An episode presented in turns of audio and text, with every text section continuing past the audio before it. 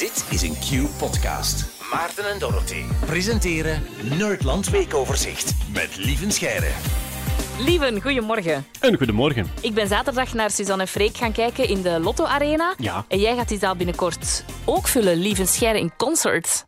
Inderdaad. Eh, wel, het is eigenlijk Nerdland in concert. Hè. We gaan eh, met eh, de Nerdland-bende, eh Hetty en ik, we gaan een, een show voor kleine nerds maken. Dus eh, ons, ons doelpubliek is dit keer goh, 8 tot 14 jaar, maar ouder en jonger kan misschien ook. Ja, inderdaad. Mijn zoon is bijna zes. Ik zou toch graag willen komen kijken. Ik denk dat het heel plezant gaat zijn. Maar als die geïnteresseerd is in hoe dingen werken en zo, dan, dan gaat hij zich daar sowieso amuseren. Hè. Maar we richten ons wel op ja, 8, 8 tot 14-jarigen. En goh ja, Ja. wat gaan wij doen? Eh, Demootjes, uitlegjes, eh, zoveel mogelijk aha-momentjes. Hoe werken de dingen? En ja, af en toe zal er wel eens iets ontploffen.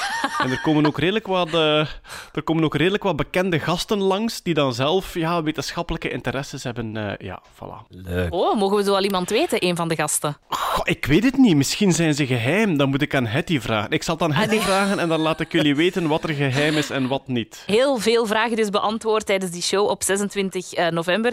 Eén vraag, ja, die moet daar eigenlijk al niet meer gesteld worden. Eh, waarom kan je jezelf niet kittelen? Daarover wil je het hebben, hè? Ja, de wetenschap heeft weer niet stilgezeten. De grootste problemen van deze wereld zijn opgelost. En deze week is dat dus waarom kan je jezelf eigenlijk niet kriebelen? Ja, we zijn het aan, aan het doen, maar...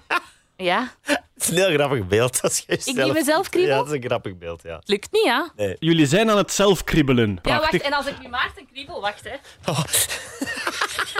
Ja, dat lukt wel. Dat was een pure lach. Dezelfde kittel. Ja. Ah, voilà. Maar kijk, dat is al prachtige experimentele data. We gaan daar straks nog iets aan toevoegen, want de conclusie van dit onderzoek kan straks ook nog getest worden. Oké. Eh, waarover gaat het? Eh, het is een, een publicatie van Michael Brecht van de Humboldt Universiteit. En wat is die man zijn beroep, zijn functie? Hij is neurowetenschapper over kriebelen, lachen en spelen. Omdat lachen en kriebelen zijn nog een beetje mysteries in de wetenschap. Waarom maken wij zo een hikkend geluid als we iets leuk vinden?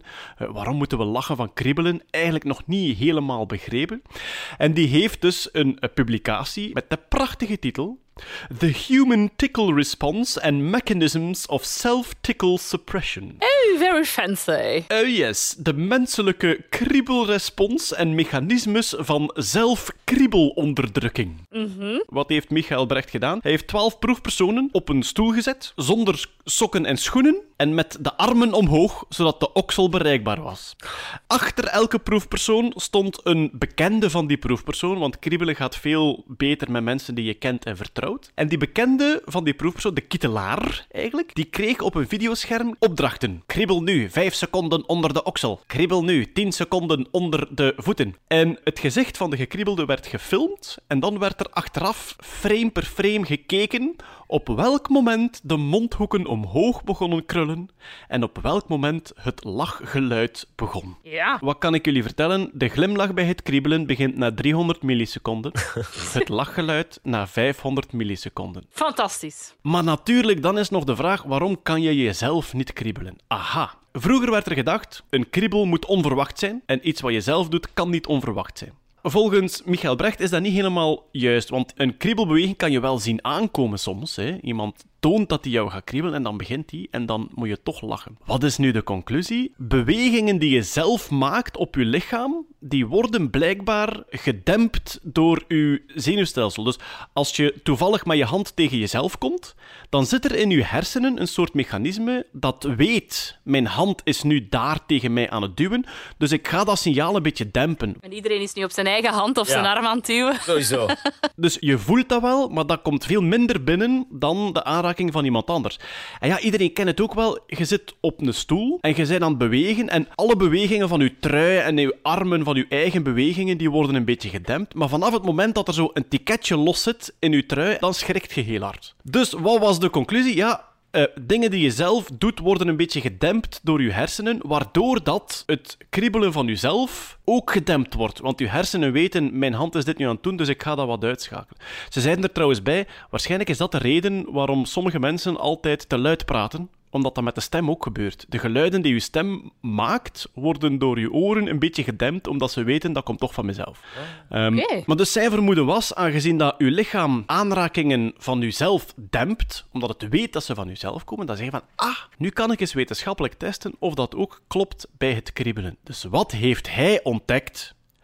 Als iemand anders u kriebelt, kan je het effect van de kriebel verminderen door uzelf tegelijk ook te kriebelen. Moeten we dat testen, lieven? Oké. Ah, ja, ja, ja. Dus ik kietel. En Ja. Maarten kietelt ondertussen ook zichzelf. Ja. Ja, 1, 2, 3, start. Ah ja, dat helpt. Ja, dat is waar. Dus uw lichaam zegt tegen uzelf: Ik ben mijzelf aan het kriebelen, dus ik ga dat een beetje dempen. En ondertussen dempt het ook de kriebel van de kriebelaar. Ja, ja. Je voelt het nog altijd een beetje en je moet nog altijd een beetje lachen, maar het is duidelijk een, eh, een verminderd effect. En dus kijk, dat is eigenlijk een prachtige ontdekking. Als iemand u kriebelt en die, die wil niet stoppen en je wilt dat dempen, kriebel u zelf ook. En dan zet je de kriebelaar buitenspel. Ik vind het fantastisch. Wat is dit allemaal? Ja, allemaal zeer wetenschappelijk onderzocht. Ehm, ze hebben ook gevraagd aan Michael Brecht van ja, ga je nog verder gaan met dit onderzoek? En hij zei van ja, ik heb, ik heb nu al geprobeerd om de kriebelactie zo objectief mogelijk te maken. Hè? Dus eh, duidelijke opdrachten aan een kriebelaar eh, die bekend is met het onderwerp enzovoort. En hij zegt, eigenlijk wil ik mijn opstelling nog objectiever maken, zodat eh, het, het kriebelen voor iedereen bij wie ik test exact hetzelfde is. En daarvoor heeft hij een kietelrobot nodig. Dus ehm, wat gaat hij nu doen? Hij gaat een kietelrobot eh, bouwen.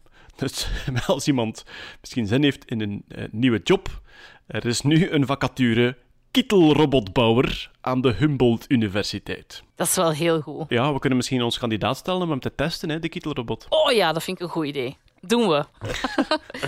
ik denk dat het een hele toffe werkdag wordt. Ik denk dat heel veel mensen eens gaan uittesten met hun collega's hoe dat zit met dat kietelen. Dat, Ja. Het wordt een Ja. doedag op het werk vandaag, denk ik. Ja, voilà. Echt zo binnenkomen bij uw baas van zeg, kietel mij eens, ik ga mijzelf tegelijk ook kili, En. Wat? Ik vind het nu al een topdag. Lieve scherm, merci daarvoor en tot volgende week. Jo, tot volgende keer.